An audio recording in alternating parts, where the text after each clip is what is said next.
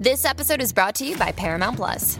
Get in, loser! Mean Girls is now streaming on Paramount Plus. Join Cady Heron as she meets the plastics in Tina Fey's new twist on the modern classic. Get ready for more of the rumors, backstabbing, and jokes you loved from the original movie with some fetch surprises. Rated PG 13.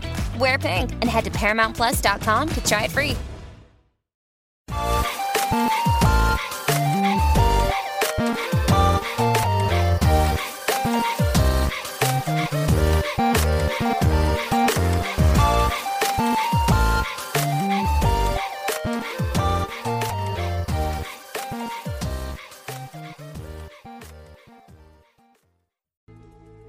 Welcome back to another episode of Daily Fortnite, your daily podcast about Fortnite. I'm your host, Mikey, aka Mike Daddy, aka Magnificent Mikey. And today we are going to cover the creative update, Fortnite Creative version 22.30 update. The Fortnite version 22.30 update brings the Battle Royale island to creative.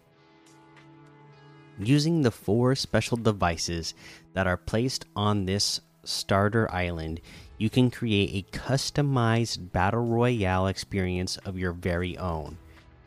Version 22.20 also includes a significant UI improvement for the spatial thermometer memory system, new prefabs and galleries from the Convergence, as well as other updates and bug fixes for devices, prefabs, and galleries.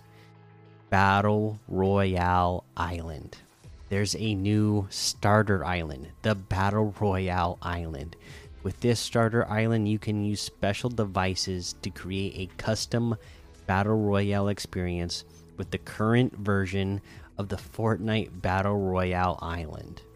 This starter island will also automatically update whenever the Battle Royale map changes, so you won't have to update it manually every season.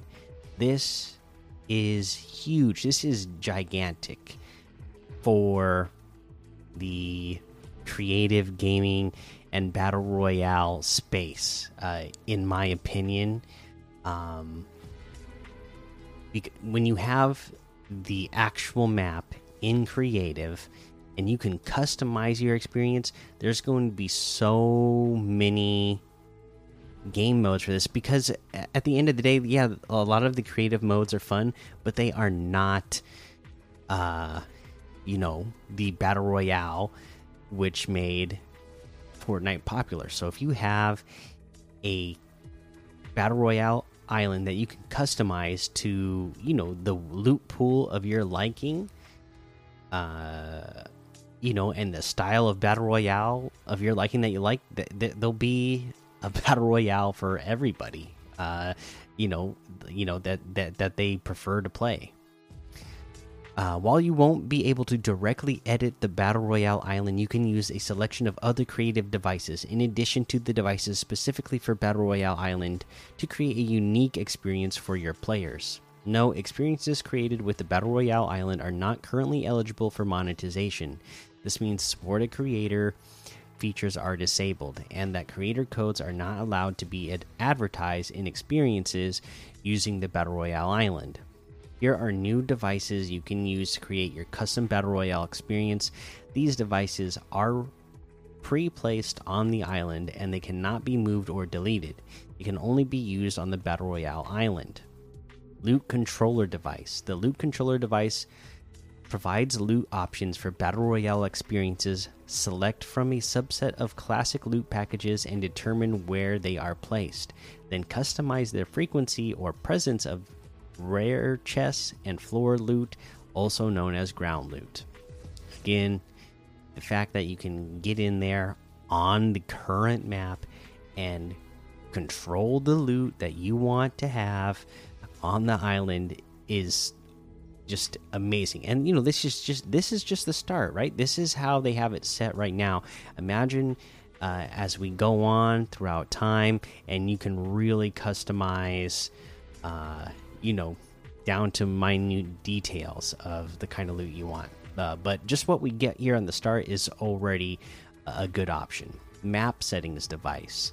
The map settings device controls which things spawn on the map, such as vehicles, wildlife, and target bots for battle royale experiences. Again, uh, you know, just the other little details that you get to add in here for your battle royale experience. What vehicles do you want? Wildlife, you know, that kind of stuff. That is again, uh, the, again to me, this is this is huge for the community. Deployment device. The deployment device controls how players are deployed for battle royale experiences. Choose from battle uh, battle bus or rift deployment, and customize a variety of options related to players spawning on the battle royale island. The storm controller device. The storm controller device determines the size, position, and phases for the storm, whether the storm grows, shrinks, or moves around. It's all in your hands now.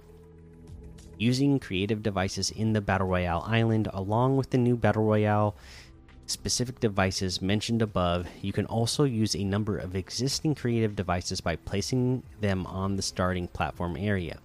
Use the Battle Royale device category in the Creative Inventory Screen Devices tab to see all the devices you can use. Additionally, you can still use most of the My Island settings to change the rules and look and feel of your game. Note target bots are treated as players by creative devices, not as AI enemies. Okay, uh, there's a list of known issues. We're not going to read through them all. So let's look at the spatial thermometer heat map. The map UI now features a heat map for spatial thermometer that can display hotspots of memory more accurately by using a color gradient, as well as displaying numbers in a cell when the cell's memory usage is 80,000 or higher, 80k or higher. You can toggle the heat map between three different modes no heat map, heat map without memory values, heat map with memory values. These modes affect the mini map as well. Toggle between the modes with the thermometer shortcut. Press T if you're on PC while in fly mode. We hope to provide a more convenient way to access the feature in the future, so stay tuned for further updates. For more information, see the updated spatial thermometer page in our official creative documentation.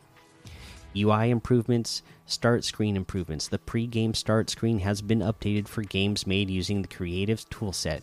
The start button can now be used to start private games before the timer expires. Additionally, the start screen now shows the privacy settings for the game being played.